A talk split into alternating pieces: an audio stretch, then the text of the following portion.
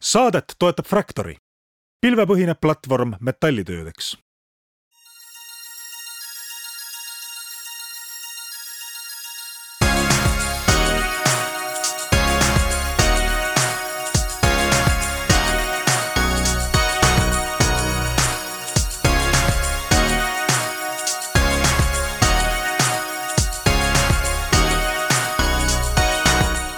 head kuulajad, on äh, kolmapäev ja Taavi Kotka, Hendrik Roonemaa tegelevad Restardi saate juhtimisega neljateistkümnendal septembril. Ning äh, kui meil siin mõt-, ma ütlen ausalt, täiesti kogemata, eelmine saade parkinguga oli saade sarjast, miks nad ikka seda firmat veel edasi teevad. ja tegelikult võiks küsida seda ka meie tänase külalise kohta. Ja paljud inimesed ka on küsinud seda meie tänase külalise kohta, aga meie tänane külaline võttis kätte ja kaasas äh, just äsja korraliku hulga raha. Ja asjad lähevad ülesmäge, kõik on jube rahul ja ütlevad, et nii peabki tegema idufirmat läbi kõige. Äh, ning täna me räägime loomulikult idufirmaga, mille nimi on Jobatical ja sellega või selle asutaja Karoli Hindriksiga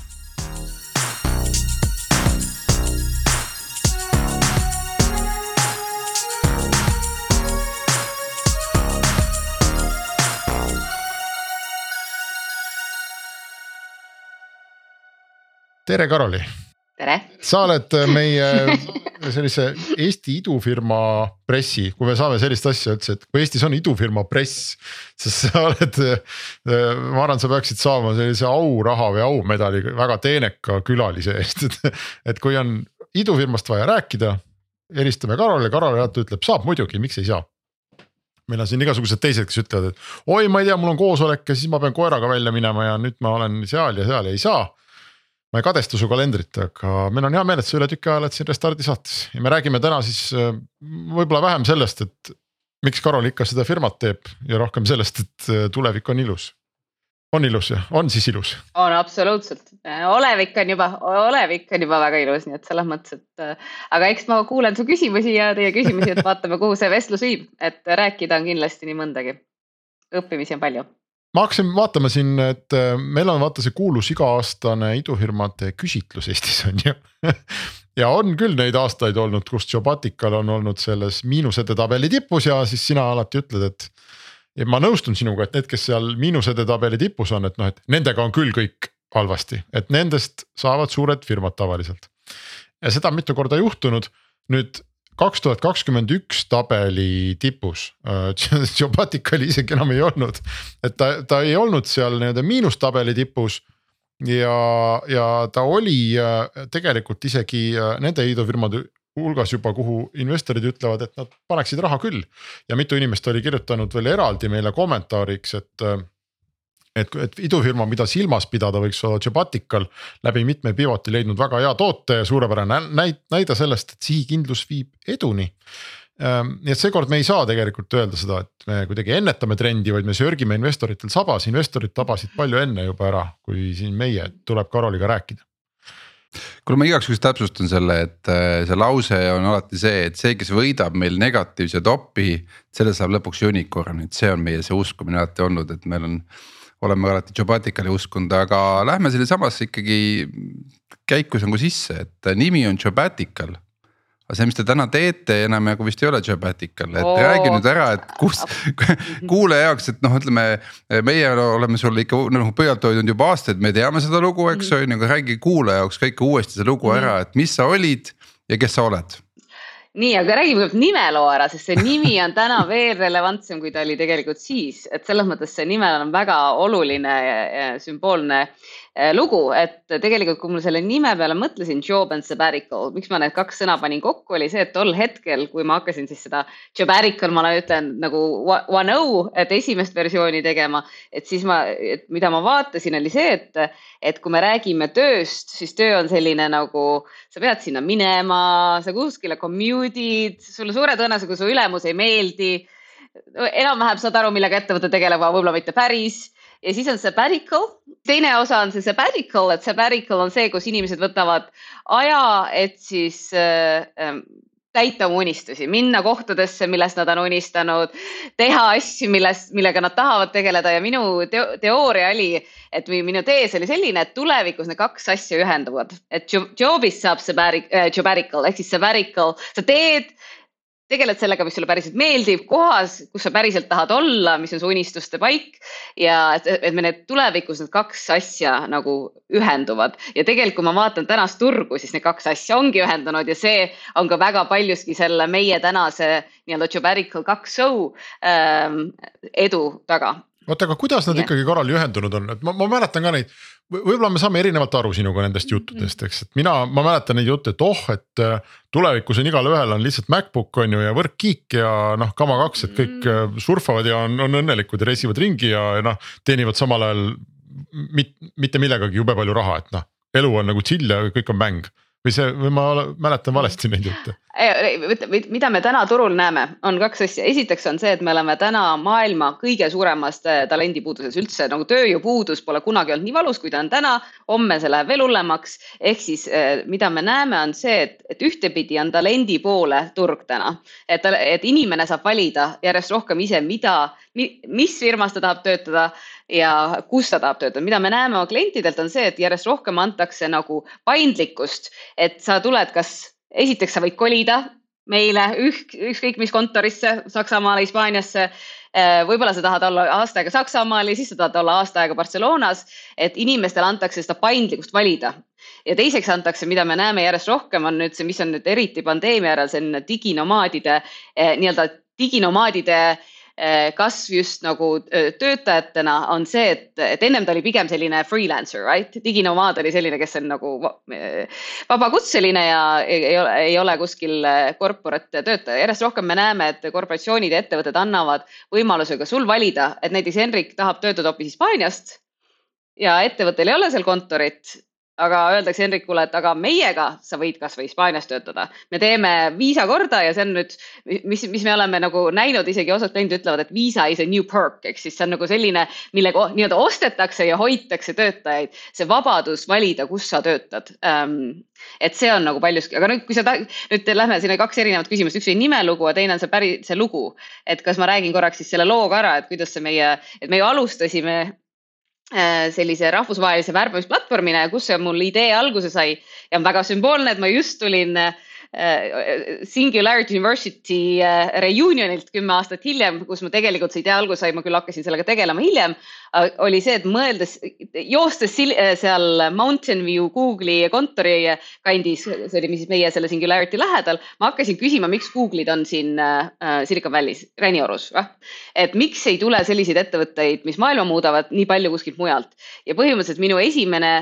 nii-öelda siis selline, mida me tahtsime teha, on see, et nii-öelda replikeerida räniorgusid teistesse riikidesse, ehk siis need inimesed, kes on valmis Indiast kolima äh, räniorgu, võiksid hoopis kolida Tallinnasse või võiksid kolida Stockholmi. ehk siis me olime selline inspireeriv tööplatvorm, äh, kus siis ühel pool olid inimesed ja teisel pool olid ettevõtted erinevates siis kaugetes linnades. ja mis siis juhtus, oli see, et me tegelikult ju liigutasime inimesi või noh, inimesed värvati viiekümne kolmest riigist kolmekümne seitsmesse riiki ja selle protsessi juures me saime aru, et meie klientide kõige suurem probleem ei ole mitte nende inimeste leidmine, vaid nende inimeste liigutamine siis sinna riiki, kus, kus nüüd vaja liigutada, ehk siis kogu see bürokraatiline protsess, mis oli nii ajast ja arust, nii äh, äh nii-öelda digitaliseerimata oli see, mis kõige suuremaks pudelikaelaks nende nii-öelda ettevõtete kasvamise juures sai. ja kaks tuhat üheksateist suvel meil oligi selge, kuna sellest oli saanud meie selline side business, et äkki me tegime nagu kõik, ehitasime seda värbamisplatvormi, aga siis hakkasid kliendid küsima asju, mis üldse ei olnud meie, me üldse ei tegelenud sellega. aga siis me hakkasime tegelema sellega ja äkki me vaatasime, et põhimõtteliselt oligi meil kaks esimest kvartalit, äh, kaks tuhat üheksateist oli nii et, et seitse protsenti meie kulubaasist oli selles ümberasumises ehk siis ähm, nüüd see, mis meil siis on tänane äh, äh, põhiäri ja üheksakümmend kolm oli siis selles värbamises aga, aga nelikümmend protsenti meie revenue'st tuli juba sellest ähm, ümberasumise ärist. ehk see oli selge, et ühes kohas meil on väga tugev product market fit ja teine pool lihtsalt lohiseb, ta ei kasva piisavalt kiiresti ja kui me oleks, kui me poleks seda muutust teinud, siis me seda täna teil seda saadet Jobaticaliga ei oleks, sest et see oli, see oli ikkagi see, ütleme, et see oli ka ülimalt, see oli kõige suurem ja parem otsus meie ettevõtte ajaloos kindlasti ja, aga see oli kaks tuhat üheksateist, Mhm. sa alustasid Jobaticaga juba, kas ma mäletan õigesti, kaks tuhat viis. Kaks tuhat neliteist lõpus põhimõtteliselt jah, et äh, kaks tuhat viisteist oli esimene aasta, nii et aga e-, ehk siis nüüd, nüüd oligi see, et kui me nüüd kaks tuhat üheksateist selle su suvel selle otsuse tegime, siis põhimõtteliselt tähendas seda, et, ähm, et me viskame prügikasti kõik selle, mida viimased neli aastat ehitanud oleme. et äh, ja, ja noh, sellega seoses ka ligi kaheksa miljonit eurot, mis oli juba investeeringuid siis sinna esimesse ärisse pandud, aga, aga me saime kogu oma nõukogu ja toetuse ja investorite toetuse, see oli nii selge, et meil oli olemas product market fit, kuigi me ju tehnoloogiat sel hetkel üldse ei olnud. et see oli puhas, tollel hetkel me tegime kogu seda ümberasumistoetus nii-öelda tugiteenust tegime ju Exceli tabelis, et siis me hakkasime seda tehnoloogiat ehitama aga noh, see ongi nüüd nagu enne kui me läheme sinu selle nii-öelda uue Jobaticali juurde, et neli aastat. Noh, see ei ole nagu, see on startup maailmas pikk aeg, see on põhimõtteliselt kaks investeerimistsüklit vähemalt, isegi vaata, et kaks ja pool või kolm on ju, et äh, kuidas sa ikkagi investori ära peit-, ma, ma, ma ei tea, siis tinistad või noh, et, et ta on nõus nagu jätkama, et kokkuvõttes ju kaheksa milli oli juba pandud on ju ja nii edasi, et et äh, sa pidid selle vana äriga ka ikkagi näitama ju mingitki nagu tulemuslikkust, et äh, kuidas sa seda nagu endale müüsid seda perioodi, et. et sa lähed, et noh, muudkui ei lähe, ei lähe, ei lähe, on ju, samas raha on vaja, ettevõte sööb raha, on ju ja nii edasi, et. no eks, eks meil ju tegelikult no selles mõttes tol hetkel, kui me ümber pöörasime, ega nüüd ei olnud nii, et meil üldse ei läinud, selles mõttes meil oli ju ligi pool miljonit kasutajat ja inimesed lihtsalt, kui ma selle kirja välja saatsin, et me nüüd me täiesti paneme selle kinni, siis ma sain ikka sadu ja sadu äh, kirju inimesed, kes olid nagu, kelle elus oli muutnud ja nii edasi. lihtsalt see kasvu Äh, ütleme, et me olime ikkagi suht nagu, et seal ei olnud kuskilt näha, kust see hokistik tuleb, noh, et äh, äh, ja, ja kuidas nüüd selles mõttes investoritele ma selle müüsin ikkagi maha selle põhimõtteliselt selle uue plaaniga, et, mis meil ja see plaan tuli ju ta, data pealt, et see ei olnud nii, et mul on kõhutunne, et siin midagi töötab, meil kliendid ma mäletan seda, kui kaks tuhat üheksateist suvi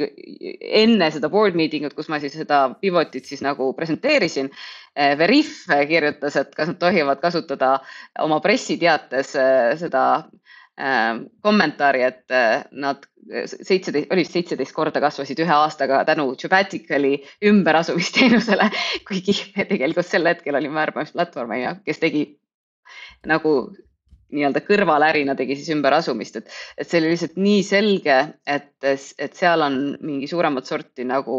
painkiller, mille me oleme leidnud ja, ja see meie põhiäri, mida ma tolleks hetkeks neli aastat olime ehitanud, oli ikkagi nagu vitamiin ja vitamiinid on lihtsalt nice to have, aga sellega sa hokistikki ei leia. aga vitamiini kokkuvõttes äh, kas sa mäletad, palju sa nagu, ma ei tea, MRR-i tegid või mis sul oli, oli sul nagu nii-öelda majandusnumbrid, et äh, et äh, kaugele sa jõudsid selle nelja aastaga mm,? issand jumal, see on hea küsimus, ma pole neid numbreid nii ammu vaadanud, et ma peaksin selle järele vaatama, aga ma arvan, et me võisime olla. kas te miljonit olete aasta kõigepealt? ei, ei, ei, ma arvan, et me või jõudsime kuskil kolmesaja tuhandeni kuskil äkki sinnakanti, see oli ikka nagu, äh, et, et selles mõttes ma ikkagi, et selle esimese, et noh, et tegelikult see tulevik, mida ma noh väga palju sellest visioonist ja sellest turust, mida ma nägin, oli seal, aga see toode ei konverteerunud sinna turgu, et see oli, et, et ja seda visiooni väga hästi nagu ma müüsin, aga see toode ja see konversioon nagu ei tulnud sealt välja. et äh, sellest ka see pivoti otsus.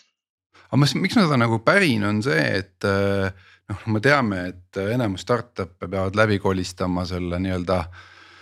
Valley of Death äh, tsükli ehk siis see koht, kus ei ole päris täpselt teada, kelle jaoks nad eksisteerivad või milleks nad eksisteerivad. Äh, ja nad peavad leidma selle õige market fit'i ja noh, mõnel on see pikem, mõnel lühem, eks, et a la kapitalimahukatel, kus on näiteks, ma ei tea, ehitad mingit äh, riistvaratoodet, siis on päris valus, kiire tulema, et noh, et a la, et. et noh, nii kui kapital otsa saab, nii sa ju enam uut noh, nii-öelda uusi tooteid ei suuda nagu füüsiliselt teha, on ju, et. et äh, räägi sellest perioodist ikkagi, et äh, natukenegi anna nagu mingit lootust või eneseusku nendele. Nendele, kes seal faasis praegu siis äh, raputada saavad, arvestades praegu eriti nagu äh, noh, a la investorite kraanid on kinni rohkem ja nii edasi, et. et kuidas ma ikkagi tulen toime sellega, et kuidas ma julgen nagu jätkata, et on noh, ma ei tea, kaks aastat on tehtud, noh ikka ei ole veel seal, on ju. ma ei ole saanud veel isegi, ma ei tea, mingit viitekümmend äh, kilo kuus MRR kirju on ju, et noh, et, et. no mis ma nüüd teen, panen kinni või jätkan, on ju, Mm. et mis, mis sõnum, mis sõnumi sa annad neile? ja see on hea, hea küsimus ja tegelikult siin on kaks sõnumit, kui ma nüüd ütlen, mul tuli sellega kohe meelde. peale seda, kui me pivot tegime, ma arvan, see võis olla vist kolm kuud peale seda, meil oli, kuna minu üks investoreid on USV, UNESCO Ventures, väga hea investor, väga tugev portfell ja siis meil on aeg-ajalt sihuke CEO-de nagu. nagu ventilemise kõned, vaata, et kui sa saad nagu suurematelt, suuremad, väiksemad, kes on siin noh, Coinbase on juba ammu ära kuskil, aga sul istubki selle näiteks a la Coinbase'i või kellegi CEO, kes on kõigest sellest Valley of Death'ist ise ka läbi teinud ja siis oled sina seal ja kuulad ja räägid oma muredest. ja ma nii hästi mäletan, kuidas ütles Allen äh, Lau, kes on Wattpadi, Wattpad tegi eelmine aasta suure exit'i. Kanada startup äh, ütles mulle, kui ta kuulis seda pivoti lugu, ütles, et noh, et eks see reegel on see, et kui sa kahtled, kui sa küsid endalt, kas mul on product market fit, siis suure tõenäosusega sul ei ole product market fit, siis ma küsisin, et miks sa mulle seda kaks aastat tagasi just rääkisin. et võib-olla selles mõttes, kui ma nagu tagasi vaatan, siis tegelikult me noh, selle muutuse võib-olla noh, tagantjärgi on hästi lihtne tark olla, aga et meil läks täpselt nii nagu vaja ja me oleme väga heas kohas täna. Et aga võib-olla natukene varem, et sa pead ikkagi nagu seda, et, et kui sa teed valet asja, siis kui sa seda kauem teed, siis sa ei, õigemaks ei lähe. et äh, küll aga see, et, et, et mida ma ka nagu, sest ütleme, et vi, seitse kuud peale Pivotit meil tuli ju ka pandeemia, siis läks lockdown'i ja noh, mõelge, millega me tegeleme, et noh, mis see tähendas jälle muutuste mõttes. et tegelikult ma, minu, minu nagu selline nagu reegel minu arust on, millesse ma usun, on see, et võidavad need ettevõtted, kes on muutustes head ja ma arvan, et tänaseks ma olen nii juhina kui Jobaticaniga tiimina oleme muutustes jube head, et me oskame nagu muutustega toime tulla. aga ma arvan, et tol hetkel, et kui ma oleksin võinud selle oskuse võib-olla natuke varem saada, sest tegelikult me ikkagi nagu noh, oleks vähem kui kaheksa miljonit sinna alla pannud, on ju, et, et selles suhtes võib-olla minu nagu see sõnum neile äh, olekski see, et, et, et kui sa, kui sul ei ole product market fit'i, siis selle nagu pikemalt nagu nüüd äh, punnitamine seda ei too, et pigem nagu kuula turgu ja vaata, et, et kas on, et kas on selle probleemi sees, nagu meil oli põhimõtteliselt see, et me tegime värbamine kuni see, et sa oled nagu, et värbad sa ju, värvatakse sind mingi ettevõtte jaoks ja siis vaatad kogu seda tsüklit ja me avastasime, et see probleem on selle tsükli sees, üks väike jupp, mitte kogu see nagu tsükkel on ju. et, äh, et äkki on nii nagu meil oli, et klient tegelikult väga palju annab sulle indikatsiooni, kui sa, et kas see probleem, mida sa lahendad, on ikkagi see, mis on kliendi päris probleem või seal on äkki mingisugune teine nurk, kus ähm, kus see product market fit tegelikult on. kas see vastas su küsimusele? kuidas sina, Karoli, aru said, et no sa rääkisid enne, et sul oli kaks valdkonda, eks, et üks oli see, mida sa hakkasid tegema ja teine tekkis sinna kogemata kõrvale ja ühest oli selge, et ei saa okikeppi. see on arusaadav kõik, aga kuidas sa said aru, et selle teisega on see fit olemas, et sealt teiselt tuleb see hokikepp, noh, sul ei olnud, sul oli lihtsalt ka ju. ma saan aru, klientide huvi, eks, et inimesed küsisid, mis oli seal sellist, et sa ütlesid, ah vot täpselt sinna paneme no ma arvan, et, et meil oli ikkagi, et oli see, et klientide huvi oli ikkagi nii suur, et äh, me hakkasime järjest, et nagu vaata, mulle hästi meeldis Brian Shelski, kui ei ole kuulanud, Brian Shelski äh, äh intervjuu Reed Hoffmaniga, mis oli esimene Master, Masters of Scale'i äh, episood. et äh, mul on väga kahju, et ma seda kaks tuhat neliteist ei olnud, ei saanud kuulata või kaks tuhat viisteist on ju et seal ta ütleb ka seda, et sa pead nagu, noh, nagu ta tegi Airbnb-ga, et sa sa ehitama hakkad siis, kui sul on nii valus juba, et sa ei suuda seda ära teenindada, vaata. et mitte nii, et kui ma võtan nagu esimese Jobaticali, mis meie suurim viga oli see, et tehti, me hakkasime tegema minu ideed, mitte asja, mis juba toimib nagu äh, kuskil Excelis on ju, et kõigepealt sa ikkagi teed seda ilma, et see scale'iks ja siis, kui see scale'i või nii-öelda, kui see nõudlus on nii suur, siis sa hakkad sinna tehnoloogiat ehitama, et siis sa hakkad seda skaleerima, on ju. et äh, et see tegelikult meil toimus, me nägime neid request'e tuli nii palju sisse ja see protsess oli nii nüri, et me hakkasime vaatama, no see peab olema mingi parem viis, kuidas seda asja nagu tegelikult noh, see, et sul on mingid email'id, dokumendid kuskil selles um, Google Drive'is, siis keegi käsitsi täidab mingeid riiklikke vorme, siis keegi teeb vea, siis sa pead uuesti selle täitma. no see nagu on noh, et tänase tehnoloogiaga peab olema mingi parem viis seda teha ja no siit siis hakkaski tulema see, et, et ikkagi, et, et miks, miks meil neid request'e nii palju tuleb ja, ja siis me vaatasime selle probleemile sisse, vaatasime turule sisse, vaatasime, kes seal üldse nagu seal turul mängivad. siis me saimegi aru, see on tõesti dinosauruste nagu maraton, et, et seal on nii palju võimalik lihtsalt ära teha. aga, aga ma olen nõus, aga ma arvan, et ka peaaegu iga inimene, kes on ettevõtet elus ehitanud, et ta mhm. teab mm. seda. ma mäletan ka ise noh, oma, oma nagu algusajast on ju, kui me Geeniusega alustasime, et sa hakkad midagi tegema. Ja noh, sa hakkad tegema ikkagi midagi, mida sa oled mõelnud, et vot seda võiks teha. ja siis on terve hulk inimesi tekib, kes ütlevad, et kuule, miks te veel seda ei tee ja vot, kui te seda teeksite mm, -hmm. siis ma ostaks, eks. ja vot tehke seda, seda, seda, et noh, siis sa ütled ei, me, me otsustasime, et me teeme muffineid. ei, aga miks te omletti ei tee, et ma tahaks omletti ka osta. ja siis tuleb keegi ütleb, et kuulge, miks te mahla ei tee on ju või miks te sidruneid ei kasvata. ei, me teeme muffineid. No ja, ja mingil ajal noh, me oleme siin ise ka rääkinud, Taavi, et fookus, fookus, fookus, ei lase rääkida inimestele endale auku pähe. ei, ei aja mhm. toodet laiaks, on ju, et hoia kinni tee seda, mida sa teed. aga see mingil hetkel on ju, sa pead otsustama, et ei, et nendel mhm. omletinõudjatel on tegelikult ikkagi õigus, see võib päris keeruline ju nagu hetk olla jah, selles mõttes, et äh, ma arvangi, siin on kaks asja. esiteks on äh, see, et noh, minul oligi selgelt hakkasid indikatsioonid tulema, ma ütlen, et minu kaasasutaja, minu vend ütles mulle tegelikult kaks tuhat kaheksateist aasta sügisel ta isegi vahepeal läks natukeseks ajaks ettevõttest eemale, sest et ta ei uskunud sellest äh, recruiting äh, osas ja ta ütles, et Karoli, meil on mi midagi siin selle immigratsiooni teemaga. nii et need aju nagu hakkas sinnapoole minema, aga minul kui kellegi, kes on ka samasugune hästi noh, et et kui midagi pähe võtan, siis ma nagu mind väga raske sellest nagu välja saada, on ju, et, et siis mul võttis aega, et kohaneda selle mõttega, et kas me tõesti peame selle muutuse tegema. aga nüüd on vaata kaks võimalust muutust teha ja võib-olla siin tuleb sama see fookuse jutt, et me oleks võinud ka, me oleks võinud selle jätta virelema oma selle platvormi, see, neid kliente tuli, kes tahtsid, et meil värbamisteenust osta küll ja küll. me isegi Singapuri riigi äh, nii-öelda riigi agency siis, kes tegeles kogu selle värbamisega ja attract imisega Singapuri, me ütlesime lepingu ülesse, nad tahtsid pikendada aasta lepingut ja me ütlesime ülesse, sellepärast et, et nüüd oli küll see, et meil on nii palju ressurssi meil on nüüd nagu äh, võimalus, kas me nagu teeme selle ära või me, me äh, ei tee selle ära. kui me teeme selle ära, siis me peame selle sada protsenti fookusse võtma, mis tähendab seda, et me ütleme kõigele, mis on selle vana äriga seotud, ei. me paneme selle kõrvale, me ei, kõik inimesed, kes sellega olid seotud, me pidime nad koondama, sellepärast et seda äri, et noh, et kui ma oleks sinna jätnud ressurssi, jällegi, et me ei oleks täna siin et me panime kogu fookuse nüüd sinna, kus me olime, et et see otsus tuli ka sellest, et neid nägijaid, et meil oli data, mul oli management, selleks hetkeks ma juba tundsin, et ma olen päris juba hea, hästi värbama hakanud, mul oli väga tugev tiim ümber, kes nagu ka kõik hakkasid indikeerima, et kuule, siin me vaatame neid kahte asja ja näed, et siin on midagi et ähm, aga kõigi ikkagi ütleme, et kui ma kasvõi oma tiimi sees, siis äh, kõigi soovitus meil oli ikkagi see, et, et, et teeks ikka mõlemat. aga siis, kui me seda presenteerisin oma management'ile, et mis me nüüd äh, edasi saab, siis ma ütlesin, et kui, et kui me kui me jääme mõlemad tegema, siis me ei tee kumbagi, et äh, praegu me peaksime nagu radikaalsema otsuse tegema ja siis me selle ka tegime. kas see vastas su küsimusele, Hendrik? Matt, ma ei olnud seal, eks ole, sinu sisemise kaalukausi juures, et, et see, aga no ma arvan, et see saabki olla ikkagi ka sisemine otsus või kui palju sa seal, kui palju sa andmeid saad usaldada, et noh, sul sul võib olla küll andmed, et näe, okikepp ei ole tulnud, noh, need on raudkindlad andmed, aga et mis tulevikus saada võib, no need ei ole ju andmed. ei, seda ka ei, muidugi need ei ole andmed kindlasti ja selles mõttes, eks seal on ikka data ja kõhutunne ja, ja, ja nagu kõik see kokku, aga lihtsalt meil oli piisavalt datat, et võib-olla ta, et väga mm -hmm. tehakse ju pivot'id ka niimoodi, et oo, teeks hoopis seda väga ei tee. et meil ikkagi nagu kliendid indikeerisid, neil on probleem, mis vajab lahendamist me käsitsi seda üritasime lahendada, jube keeruline oli, sest et jube nüri oli selle protsessi.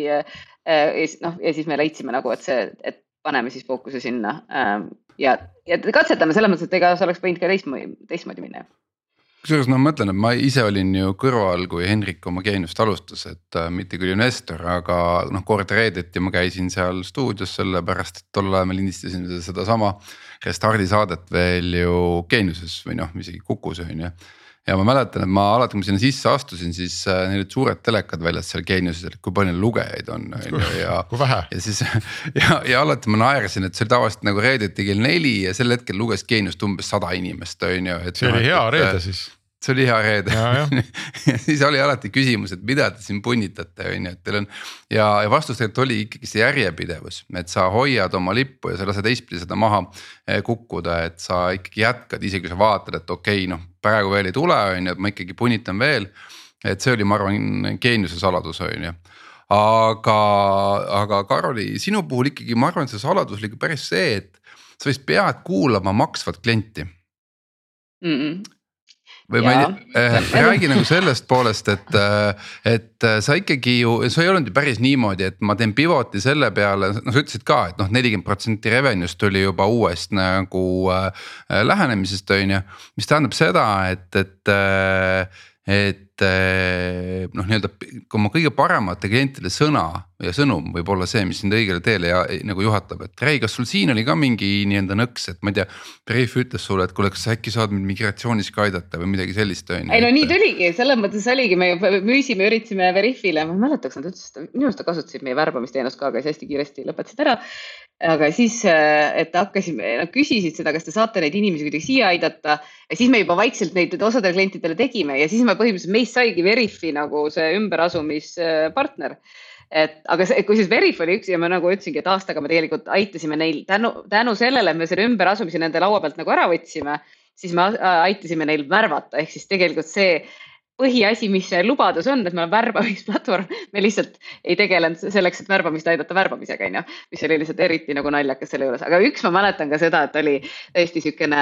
see oli umbes sama aeg, kui minu kaasasutaja vend Ronald minuga rääkis, et meil on midagi seal ümberasumise teemaga. et peame, peaksime nagu sinna sisse suuremalt vaatama. tuli meile Omnivast ähm,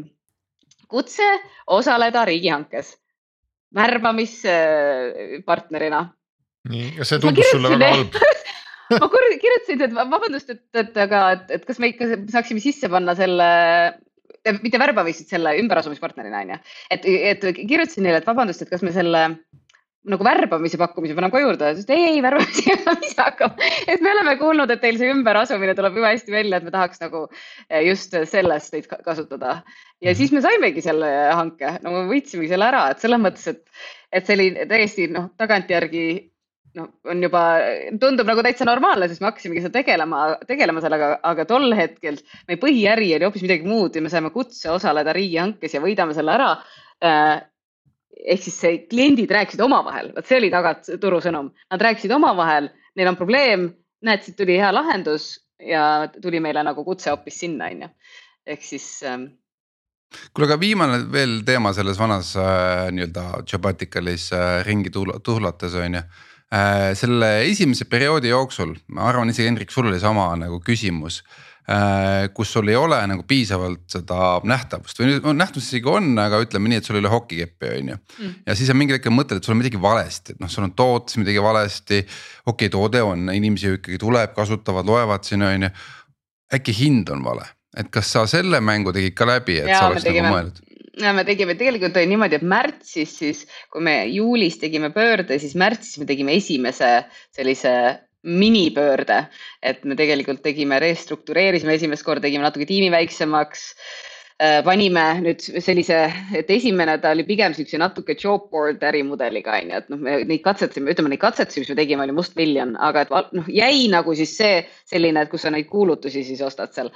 aga siis me panime, liikusime rohkem sellise hired.com mudelisse, kus sa nagu, kus sul on success fee, et sa maksad selle eest umbes kümme tuhat, on ju. aga sa saadki nagu kogu paketi, et nii selle värbamise kui ka asume sulle ümber. et me nagu siis kitsendasime, et kas nüüd see töötab ja siis noh, oli juuli oligi see koht, kus me siis vaatasime, et okei okay,, no kuidas see töötanud on ja siis me tegelikult noh, saime aru, et tegelikult ei ole. ja tegelikult seesama no, ümberasumine, mille me ikkagi jätsime nagu alles, ütlesime, et läheme hästi fookusesse, märtsis istusime kõik äh, seal oma management'iga Äh, aga selle ümberasumise jätame igaks juhuks alla. Et, et seal midagi nagu toimub, et ei julgenud seda nagu puutuda. Ja siis juuliks oligi selge, et no seal ongi see, kus meil nagu noh äh, aga mis, ikkagi, mis su sõnum täna on neile, kes ikkagi otsivad oma seda fit'i, et. et kas see hind tegelikult ikkagi on üldse teema, et ma olen ise nagu päris mitmes startup'is ja ka endaga seotud startup ides näinud lõpuks seda, et. et tihtilugu see mure ei tulnud mitte sellest hetkest, kus, kui hinda langetati, et vastupidi, hinda suurendati on ju ja hakati müüma seda kui eksklusiivset produkti on ju, et et kui sa praegu mõtled selle peale ja selle hinna peale, et siis tegelikult noh, et, et kui palju see üldse rolli mängib versus see, et sa ikkagi nii-öelda leiad selle nagu noh, tõelise vajaduse ülesse? no küsimus on lihtsalt selles, et kas noh, see on ikkagi see, mis su kliendi jaoks on oluline, on ju, et kui sa nagu ähm, noh, näiteks täna, kui võtan meie tänase Geobaticali, siis äh, meie äh, nagu teeme tegelikult kahte asja turul, et meil on äh, läbi tehnoloogia automatiseerimise, me teeme, toome alla hinda, ehk siis meil on turu kõige parem hind, et turgudel, kus me lähme, meil on kõige parem hind aga see ei tähenda, aga samas me suur nagu teeme kogu seda kasutaja nii-öelda seda ümberasumise kogemust teeme paremaks. ehk siis meie lubadus on see, et parima hinnaga sa saad ka parima kogemuse, selles mõttes, et see ja seda laseb meil teha tehnoloogia kui sa seda kõike käsitsi tegid, siis oligi Deloittes, maksid sellest viis korda rohkem, on ju. et ähm, osadel turgudel nii on, Eestis on natuke väiksem, aga osadel turgudel nii on. et selles mõttes see sõltub ikkagi ka seda, et mis, mis su see kliendi valu on, et kui klient on nõus selles mõttes ei ole, Taavi, lihtne küsimus on mul, et, et kui klient on selleks, et sa mingisuguse probleemi ära lahendad, nõus preemiumit maksma, nüüd on küsimus, mis sul see customer acquisition cost seal on, on ju, et see kõik see, kuidas sa selle kliendi saad, mis selle kliendi saamise hind on ja, ja mis, mis, mis on see väärtus, kas selle väärtusest on nõus preemiumit maksma, siis sul, sul võib olla kõige kõrgem hind äh, turul, aga sul võib olla kõige äh, noh, hokistikk olemas. et, et ma arvan, et sellel ei ole nii lihtsat vastust, ta kindlasti tuleb nagu äh, vaadata seda, mis on see kliendi äh, valu ja, ja mille eest ta seal tegelikult maksab no minu, ma arvan ka ikkagi talupoeglikult nagu ütleks, et kui, et kui klient tahab osta see on igal juhul nagu päris mõnus, noh palju mõnusam olukord kui see, et sa pead hullult rabelema, et talle seda müüa. Need on väga erinevad asjad ja ma olen ka ise näinud noh igasugustes kliendisuhetes, et. sa võid mõnele firmale midagi müüa, noh nii, et sa oled näost sinine, muudkui müüd ja käid ja kohtud ja, ja saadki neid kohtumisi ja. ja võib-olla isegi tuleb mingi tehing, aga noh, ühesõnaga tegelikult nagu ei tule.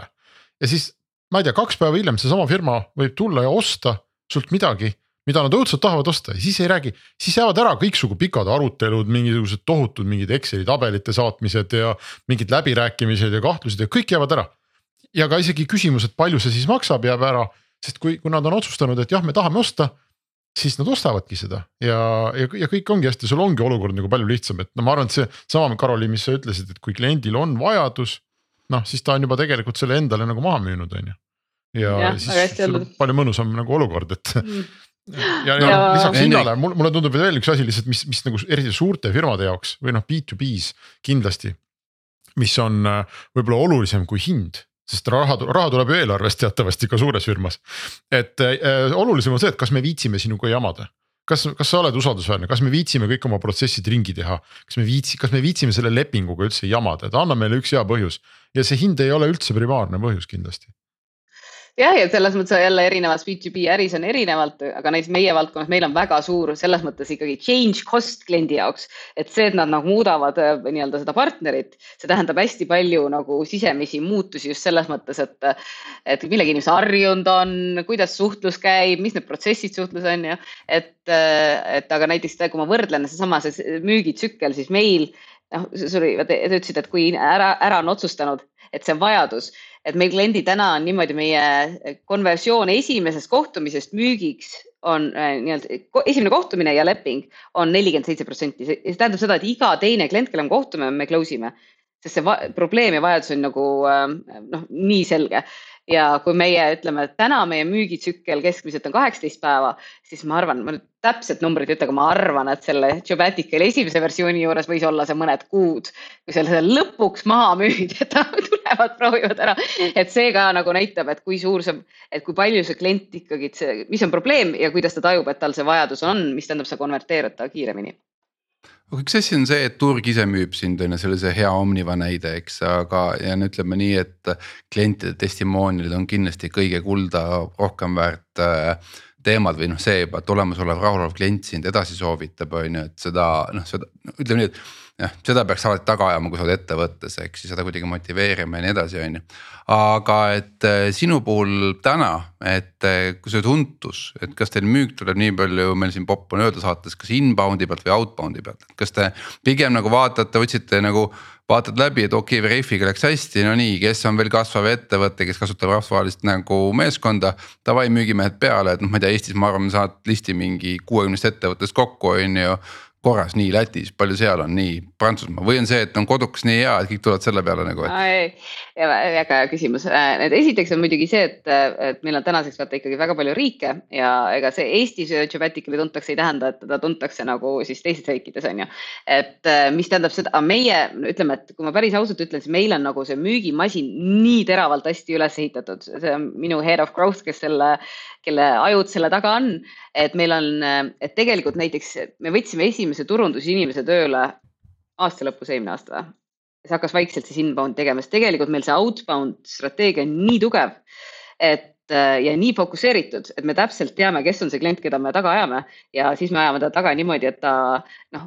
et, et ma ütlen, et me, et me nagu seriously we are stalking our clients, et me nagu tõe, tõeliselt võtame nagu, et see, see on nii targeteeritud ja see targeteeritus outbound'il äh, ongi see, mis nüüd selle konversiooni taga on. et nüüd me alles, sest me tegelikult jällegi, kus me, kui me täna räägime seda näiteks Saksamaa, siis Saksamaal me praktiliselt tegime null turundust kui me alustasime, eh, kuni selle aastani, me võib-olla siiamaani vist ütleme siuksed väiksed kampaaniad, aga nagu väiksed siuksed testid, eksperimendid, aga me tegime põhimõtteliselt ütleme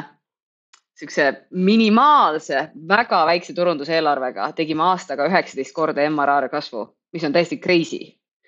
ja selle taga ikkagi on kaks asja, me väga selgelt, üks on see, kuidas me konverteerime ja teine on see churn ehk siis meil nagu konverteerime ära ja siis, kuidas me hoiame õnnelikuna kliendid, et ähm,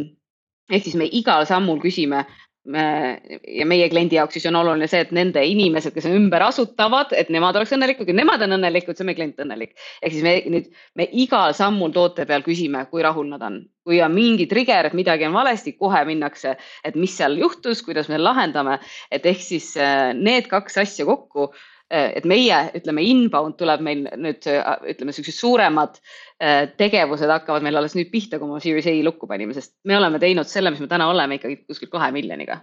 et selles mõttes äh,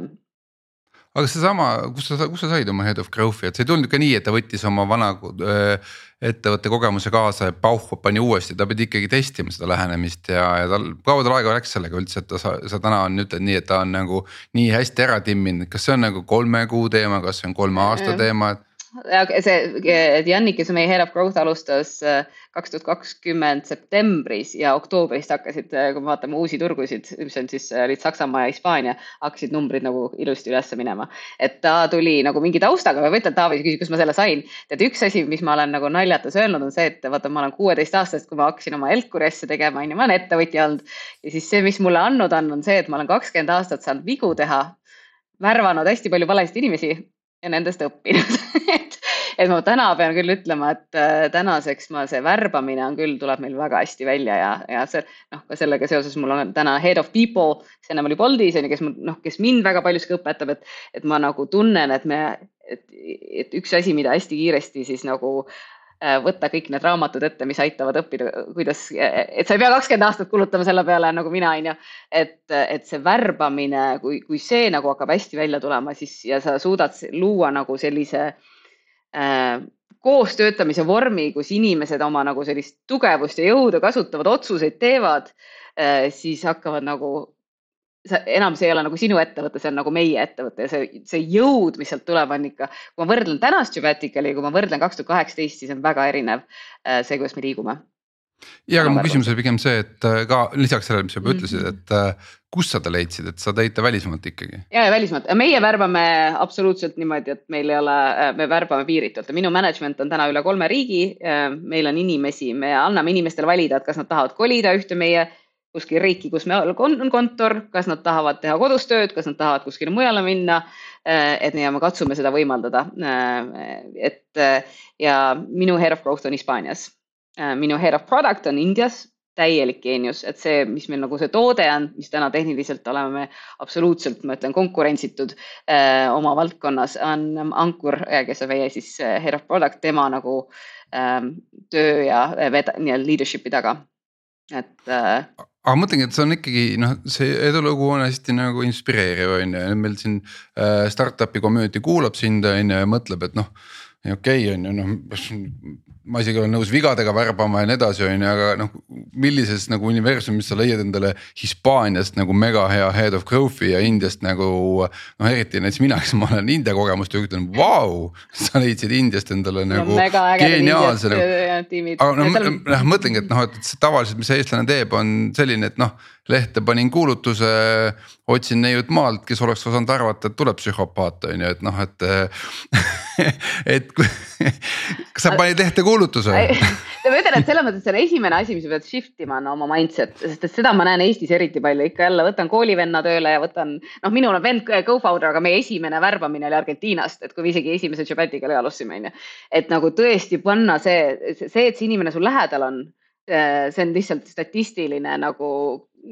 paratamatus, on ju. et see ei tähenda, et on parim inimene sinu jaoks ja meie niimoodi oleme värvanud juba aastaid. et, et ehk siis ma üldse absoluutselt ei usu kultuuri, seda culture fit'i, millest nagu hästi palju aetakse. Culture fit ongi see, et, et sa värbad nagu inimesi, kellega sa tahad reede õhtul, seda ütles Patty McCord, see ei ole minu sõnad, Netflixi hero, äh, chief äh, people officer äh, endine, et sa värbad inimesi, kellega sul on äh, mugav minna äh, õlut jooma reede õhtul et aga mina usun sellesse, et, et on culture add ehk siis to, ta toobki midagi, mida meil ei ole, aga mingi asi, kus meil peab olema alignment, on see, et meie väärtused on paigas, siis kui mina näiteks meie intervjueerime, siis mina, minu osa on alati see aru saada, kas meie nagu see sel, väärtuste selgroog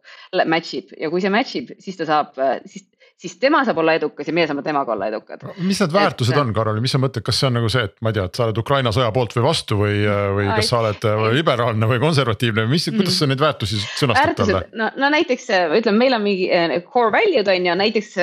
make it happen attitude. no inimene, kellel on make it happen attitude, selles mõttes, et see kaalub üle, et kui tal ei ole seda, aga tal on mingisugune äh, kogemus ülikoolis käinud, et aga see make it happen attitude kaalub alati üle selle, mis tal seal CV-s on. või siis on näiteks see, et noh, meil on difficult truth over comforting lies, siis kui inimene suudab enda vigu tunnistada näiteks, oma eksimusi, nendest rääkida, mida ta sellest õppis, et ta nagu suudab olla ähm, aus ka kõige raskematel hetkedel, siis see kaalub üle väga paljud jälle asjad, mis on CV-s, et, et sellised nagu mingid väärtuskoodeksid, mis peavad no, olema meiega äh, samal lainel, siis siis me saame koos töötada, see on see, mida ma usun niimoodi me kuidagi nagu hästi ka toimime mm. -hmm. ja mis nüüd edasi saab, üksteist milli kahemilline nii-öelda seed on läbi tehtud, jätame selle kaheksa miljonit sinna, kuhu iganes. Et, et äh, mida tähendab üks A-round nüüd äh, juba kogenud ettevõtjale? ja selles mõttes on jube põnev aeg, et ma arvan, et siin on nüüd mitu erinevat asja, et esiteks on nüüd vaata A-round ettevõtjale, kes on nagu selle tsükli siis ka nagu vigadega läbi teinud, et selles mõttes on nagu, et kui me võtame täna, siis me, meil, mis meil edasi on, siis on see, et et meie kõige, meil läheb see nii-öelda investeeringud kahte kohta, üks on see, et meie toode on jällegi, kui sa mõtled selle peale, meie kogume eh, personaalandmeid absoluutselt nagu me teame kõike selle inimese kohta selleks, et ta liigutada ühest riigist teise. et meie, meie toode läheb järjest keerulisemaks ja, ja meil on ka eh, põhimõtteliselt me, üks on siis investeeringud sellesse, et me toode ja roadmap kiiremini liiguks ja siin on meil väga ambitsioonikad plaanid ja teine on ikkagi see laienemine, sest me oleme täna selle toote äh, ehitanud niimoodi, et me saame põhimõtteliselt ühe päevaga uue riigi platvormil avada. Opera-, nii-öelda operations võtab natuke rohkem aega, ehk siis me circa kuskil kahe kuni nelja nädalaga saame nagu riigi avatud. ja mida me nüüd hakkame siis tegema, on see, et, et, äh, et laienema uutesse riikidesse et meil oleks võimalik suuremate ettevõtetega töötada, et äh, sest et täna üks asi, mida me näeme, on see, et näiteks siuksed multinationals ütlevad meile, et, et noh, ongi, et, et lahe küll, tehnoloogia ja kõik, aga näed, Deloitte on nagu kõikides riikides maailmas on ju. maksame küll viis korda rohkem, aga peame nagu ühe ettevõttega suhtlema ainult, et, et meil on, näeme, et üks meie selliseid laiene nii-öelda kasvu piirajaid just nagu siukse enterprise poole pealt on see, mis on meie katvus ehk siis me hakkame praegu nüüd hästi kiiresti oma seda katvust suurendama. Ehm, see on nüüd see, mis meil fookuses on. Kui te seda pivotit tegite, siis ähm, ma mäletan üks jutt, mida räägiti äh, oli see, et no hea küll, teevad pivoti, aga et noh, see ei ole enam tehnoloogia äri, eks, et, et noh, see ongi nüüd puhas käsitöö ähm, kui palju. sama räägiti Veriffi kohta ka muidu, ma tuletan. ja no ikka, ikka räägitakse igasuguseid jutte, aga, aga Karol, ütle, kui palju mis see toode täna on, et mm -hmm. kui, kui palju see mm -hmm. Excel nüüd ikkagi siis kuidagi automaat, kas ta on nagu automaatne või ta on lihtsalt mm -hmm. veebiteenus, et click here next no,, next täida väli?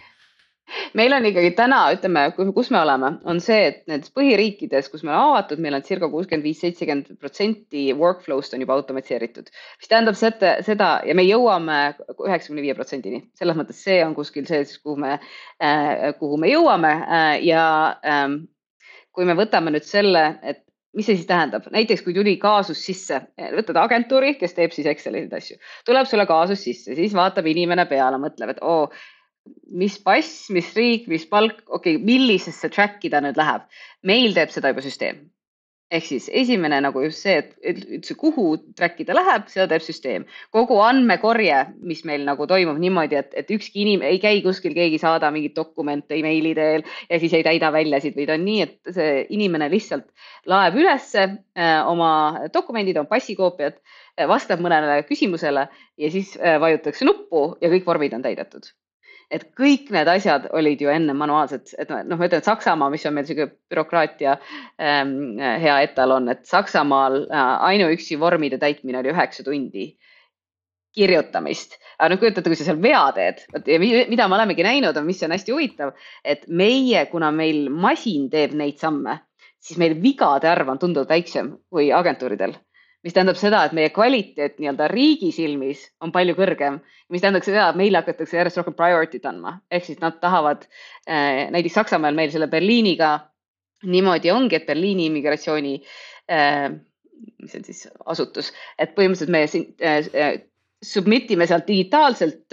dokumente mis hästi palju seda protsessi, põhimõtteliselt üheksakümne päevane protsess on ühepäevane nüüd, aga mis tagasiside meile on olnud, on see, et meie kvaliteet on lihtsalt nii kõrge võrreldes teiste turul mängijatega. ehk siis nad tahavad, nemad annavad meile eeliseid tänu sellele, me suudame tänu sellele, et masin teeb vähem vigu, äh, kvaliteetsemat äh, nii-öelda neid avaldusi esitada, on ju jumala naljakas, ma olen ise ehitanud koos Codeborne'iga ühe süsteemi näiteks Moldova riigile selleks, et äh, elamislubasid ja, ja passi nagu taotlusi vastu võtta, on ju, et automaatikaga, aga okei okay, äh, nii-öelda tehniline küsimus veel, et kogu selle teekonna peale, kui sa vaatad, et kui palju sa nii-öelda värbasid endale meeskonda ja palju sa ostsid mingit teenust sisse, et kas äh,. nüüd tagasi mõeldes, kas äh, midagi nendest erinevatest protsessidest, tea, turundus, noh müük kindlasti, met ja nii edasi, et. Et kui sa täna vaatad, et sa tegid õigesti, et sa ei teinud nagu oma nagu jõuga, vaid ostsid sisse või vastupidi, et tegid oma jõuga, oleks pidanud ostma sisse, et oleks olnud nagu odavam ja, ja vähem kulukam hmm,. hea küsimus äh,. selles mõttes ma ütlen, ma pean ütlema, et see on sihuke küsimus, ma pean natuke mõtlema, mul nüüd kohe niimoodi ei tule paugust, ma näen, et, et ma pigem näen seda, et üks asi, mis oli küll, ma läksin täiesti vastuvoolu ja selles mõttes ma pean ütlema, et tänaseks see risk nagu hästi ähm, tasus ära, aga kaks tuhat kakskümmend kevadel, kui äh,, kui see pandeemia nagu hittis meid kõiki, siis äh, noh, minul oli sel hetkel oligi meil close imisel oli round ja ja me olime kaks kuud due diligence'i juba teinud ja see lihtsalt kukkus kokku, see pool, põhimõtteliselt samal päeval, kui, kui siis äh, lukku läks Euroopa. Ja siis meil oli kaks nädalat äh, raha kontol. ja no see oli jälle see esimene kord, ma mõtlesin, et nüüd see on see viimane kord, aga siis oli veel kolm korda, kõige lähem oli kaks päeva ennem äh,, kui raha otsa sai, oli ähm, äh, põhimõtteliselt close isin round'i, aga, aga mis oli nagu sel hetkel nagu see, et noh, kõik ikkagi soovitasid äh,, et nüüd tuleb koondada et selles mõttes kõik koondasid, turul toimus mingi tohutu nagu reageerimine. aga tol hetkel eh, noh, ma mõtlesin ja me rääkisime eh, oma management'is, et, et minu nagu kõhutunne ütles seda, kui me praegu need uued turud kinni paneme, siis meil ei tekigi mingisugust kasvuvõimalust. kui me seda riski ei võta, et me nüüd ikkagi kuskilt, et me teeme cut'id, teeme palgacut'id kogu organisatsioonis, mida me ka tegime aga et, et, et võib-olla nagu ka päris tihti, kui nüüd praegu on jälle uuesti finants need äh, turbulentsid, et hästi kiiresti hakatakse nagu äh, cut ima, et tegelikult natuke mõelda, mis nüüd kõige, et sest et meie oleksime runway'd võitnud, aga meil poleks kunagi hokistikki saanud tulla. tänu sellele riskile meil tekkis võimalus hokistikiks, mis ka lõpuks ära tuli väga korralikult. see on väga vastus äh, minu poolt, ma arvan, viimane küsimus, meil on saade tohutu kiirusega läinud siin, et äh, kõik need äh, noh, nüüd on siis juba kaheksa aastat peaaegu, et äh, kogu see periood, et aga sina ise, et äh, noh, see ei ole hea tunne, mul ei ole just seda palju ei ole olnud, aga paar korda, kus sa oled ettevõttega olukorras, kus tõesti nagu vaatad, et noh no mul oli natuke rohkem aega, et a la pool aastat mm. maks on ju, et, et kui ei saa uusi lepinguid peale ja nii edasi, on ju, et sest on küll palju aega möödas juba, aga aga need ei ole nagu head tunded, et äh, ja ise selle juures nagu kõik terveks jääda, sest noh. sa ju pead, äh, okei okay,, üks sul, uks sulgub, on ju, uut ei avane, on ju, et sa pead jälle otsima seda teist ust, on ju, ja siis seal kraapima ja. ja noh, ikka nii-öelda tiim ja rääkimata mingitest sõpradest ei näe seda valu, on ju, et noh, et, et. kuidas sa nagu tuled järjekordselt kõnelt ära ja saad aru, et sa oled nagu need, ma ei tea, kolm kõne teinud ja siit ei tule mitte midagi ja jälle energia nullis ja jälle pead uuesti panema ja et äh,. kuidas sa ise toime tuled selle kõigega? väga hea küsimus, aitäh sulle, Taavi. ma arvan, et see on üks ka väga suur muutus, mida ma, kui nüüd tõesti, ma loodan, et kuulajad siit midagi nüüd võtavad kõikidest nendest äh, tormidest, mis on läbi käidud, on see, et, et ma arvan, kuskil kolm, tegelikult neli aastat tagasi nüüd, kui, äh, kui mulle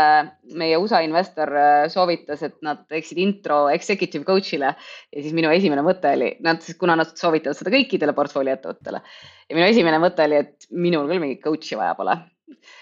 Siis ma sinna kõnesse läksin ja tegelikult äh, selline, mida ma tegelikult sellest hetkest hakkasin muutma, mille tõttu ma pean äh, üldse mitte saba tõstmata, aga lihtsalt nagu siiralt ütlema, et täna ma olen palju parem juht, ma olen palju parem inimene endale, teistele, oli see, et ma tõesti hakkasin nagu enda heaoluga tegelema. Et alates sellest, et tõesti ongi mediteerimine hommikul, ongi jooksmine hommikul, ongi hetked, mis ma teen ainult enda jaoks, mina käin oma äh, wake surf imas äh, Balti merel, et, et, et need, need asjad, mis tegelikult, et, et me jube tihti ja mina ka absoluutselt, ma täiesti unustasin ennast selle kõige selle, selle, selle võis nii-öelda võidujooksu juures ära. Aga kui sina ennast ära unustad ja selles ära kaod, siis sa ei saagi juhtida, sa ei saagi olla hea juht et, ähm, et, et tõesti nagu üks asi, mida ma soovitan, on see, mida mulle soovitas meie investor, võtta endale, aga nüüd uurida ka referentsi, selline executive coach, sest et CEO olla on jube üksik. me kõik, kes me oleme olnud, teame seda, et sul on investorid ja sul on töötajad, sul on kaasasutajad, aga sealt nagu kõik sõltuvad sinust, on ju. et, ähm, et tege- ja noh, siis on sul perekond, aga see ka on no, kõik ikkagi kõik sõltuvad, et, et võtta endale keegi, kes on usaldusväärne, kellest, kes aitaks nagu kasvada ka. Et, äh, et kes, kes küsib selliseid küsimusi, sest et ega tema, minul ka see coach, ta ei andnud mulle vastuseid, ta andis mulle küsimusi. Ja need küsimused olid need, mis tegelikult on mind, minu noh, tõesti ütlen, ma mõtlen tagasi kolm aastat, äh, et no see on täitsa teine inimene, et, äh, et ma olen, ma pole, mul pole olnud elus nii raske nagu need viimased aastad, aga ma pole ka olnud elus nii õnnelik, kui ma olen viimased aastad. et ma tõesti soovitan panna ennast ka kalendrisse, et see on väga oluline tavaliselt, meil tavaliselt, ma siin, siin ütlen tavaliselt, et, äh, et executive coach'id üldiselt on ise olnud executive'id, et äh, kuidas sul vedas, et see ei ole nagu professioon, et noh, et noh, et ma mm. õpin ja harin ennast executive coach'iks on ju, et minu coach on selline, kes on olnud äh, founder, on äh, success'i näinud, on failure'it näinud, on ingelinvestor, on, noh, on väga hea ka sellise nii-öelda coaching taustaga, et selles mõttes, et selles mõttes ongi see referents on oluline, et on hästi oluline see, et see inimene tegelikult ikkagi saab sellest sinu maailmast aru et kui sa, kui sa räägid tal, ta, ta peab suutma sulle neid küsimusi küsida, mis sind aitavad, aga kui ta su maailmast üldse aru ei saa, siis on neid väga raske teha. et, et selles suhtes ähm, jah, et coach'iks pigem minu kogemuse põhjal on, on, on see, et nad on tavaliselt inimesed, kes on seda, kui nad on head, et seda näinud ise seda maailma seestpoolt ja ta saab aru kuidas ja, aga, aga see ikka see usalduse küsimus, et noh, et, et seesama ma, nii kui sa ütlesid selle lause, et noh, et mina küll mingit coach'i ei vaja, et noh, mul käis endal peast läbi, et noh, et jumala eest, ega ma ka mingit coach'i ei vaja et, et sel-, kuidas, kuidas sellise usalduse üldse ära ostab mm,? no selles mõttes, eks sa pead alguses tegema, ma ütlen, et see minul vedas, mul tõesti soovitati väga head inimest, see inimene, kes mu kõrval on olnud viimased neli aastat. et et ma arvan, et esimene asi, miks sa ütleks ja mida mina, miks mina ütlesin, et ma ei, mul ei ole vaja coach'i, on ikkagi, et meie ego on ju, et, et, et see on see, et sa tegelikult hakkad siis tõesti peeglisse vaatama. ja siis, kui sa peeglisse vaatad, siis saab see muutus või see töö nagu üldse peale hakata et äh, aga usaldus saab tulla ikkagi selles mõttes referentsi pealt, et, äh, et tõesti nagu so, ma võin soovitada oma coach'i, ma tean, et ta kalender on suht täis Taavi, aga, aga äkki mahub veel juurde, et, et aga, aga referentsid ja, ja, ja siis sa pead lihtsalt suutma oma ego nagu kõrvale panna ja mõelda, et ma nüüd tõesti tahan nagu siit midagi, ma tahan, et kasvada äh, et minu peal töötas see küll väga hästi. No sul on lõpuküsimus ka, Karol, me oleme tõesti juba, pole ammu nii pikka saadet teinud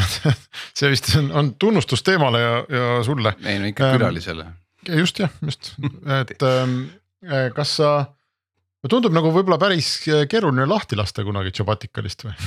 mm. kõik see jama on läbi tehtud ja nüüd on ta nii äge või selles mõttes, ma pean ütlema, et eks meil on selles mõttes viimase aasta jooksul ka siin äh, igasuguseid huvilisi olnud ukse taga, on ju, et äh,, et on ka neid mõtteid juba mõeldud, et huvitav, mis oleks, kui. et äh, ma pean ütlema, et äh, absoluutselt ma, iga rakk minust nagu tegeleb ja on pühendunud selle ettevõttele, aga ma arvan, et võib-olla üks asi, seesama töö, mis me just rääkisime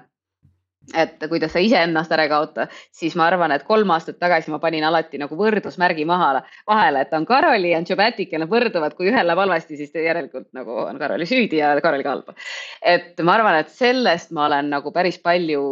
äh,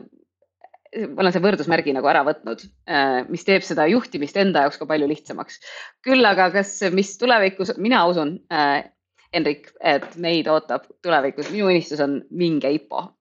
ja ma siis IPO, see IPO. vot ja siis sa ei peagi ära minema. ja, ja täpselt IPO pidu, aga, aga selles mõttes, et eks ma, ma olen, ma arvan, et mingil hetkel minusugused founder'id äh, ei ole head äh, korporatsioonijuhid, ma päris ausalt ütlen mm, -hmm. et, et, et nii, et selles mõttes ma arvan, mingil hetkel nagu see muutus on kindlasti vajalik. aga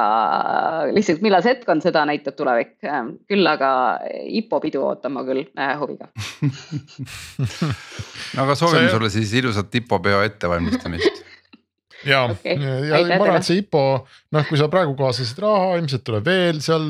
ring või mitu. no see on A-round, et. no just, et, et sa jõuadki selleks järgmiseks, et vahepeal käib majanduskriis ära, eks ole, ja siis jälle julgevad kõik IPO-sid teha, et siis sa jõuadki täpselt see Jobatical küpseb järgmise tsükli ajaks. järgmise majandustsükli ajaks. oota, ma korra küsin ühte asja veel hästi ruttu. no ei saa lõpetada. ei saa jah, ma lihtsalt kripeldama. Äh, üksteist miljonit post value või? See oli, see oli pre-money, ühesõnaga sa tõstsid ei, sisse ei, nagu. üksteist, üksteist miljonit tõstsime kokku, üksteist koma kuus miljonit, seda, mis ja. ta post money value on, seda ma sulle küll ei ütle ja no mõtle, me saame seda arvutada, on ju, mis tähendabki seda, et äh, me suudame selle välja arvutada, me teame, mis number see on, on ju. aga mind huvitab ikkagi see, et äh, mis see pealine argument oli, millega sa õigustasid seda äh, uut väärtust kas käive on juba nii hea, on ju? meil on käive ikka korralik, noh kui, kui sa nüüd, kui ma päris ausalt ütlen seda, et ma arvan, et meie käive on ikka väga korralik täna selles mõttes, et ja me täna selles suhtes meie kasv on ju ka selline olnud, et me tegime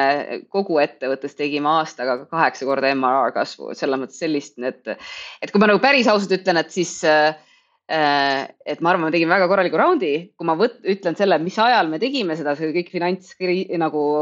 turud olid punased, siis kindlasti, kui sa küsid, kas see midagi mõjutab, siis ma arvan, ta valuation'it kindlasti nagu mõjutas, et äh, need, et selles mõttes, et meie traction on nii tugev, et ütleme sihukeses hästi äh, heas turus oleks me võinud veel tugevama valuation teha, aga ma, ma arvan, et lõppkokkuvõttes väga hästi et, et aga kuidas me ära õigustasime, on see, et meie lihtsalt, meil on kaks asja, et äh, üks on see, et meie kasv on kiire, aga me jõudsime ka mais jõudsime ju cash flow äh, positiivi, EBITDA positiivi nagu series A nagu ettevõtteid, kes suudavad yeah. jõuda selleni, et see on päriselt nagu äh, noh, enam et igatahes noh, et need kaks asja kokku on meie ikkagi oleme korralikku äri valmis ehitanud, mida me nüüd siis kiiresti laiendama hakkame nii, nüüd me võime lõpetada. Ja enam-vähem täpselt on tund täis tiksunud. Jah ja., väga hea vestlus oli. Äh, aitäh kõigile kuulajatele, aitäh sulle, Karoli. mul on, meil on ka hea meel ka saatejuhtidena, et Jobatikal ja sina ikkagi noh, regulaarselt üle aastate, üle, üle, üle pikkade aastate kogu aeg pakud seda, millest nagu rääkida, alati midagi juhtub, et nüüd on pivot ja nüüd on jälle kaasasime, nüüd on jälle hästi ja nüüd on kogu aeg on põnev, eks. kuula meie aasta lõpu saateid järgi, sa näed, me oleme alati sind toetanud ja, jah, aga ma loodan, et see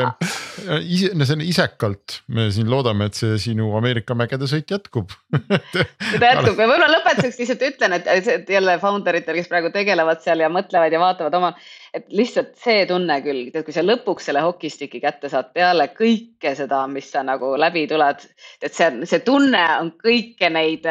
kõike seda vaeva väärt, see lihtsalt on seda vaeva väärt, et kui sa äh, ja et selles mõttes, et ma olen öelnud, et resilience is my middle name, et äh, see on äh, muskel, mida nagu äh, treenida, et, et siis küll siis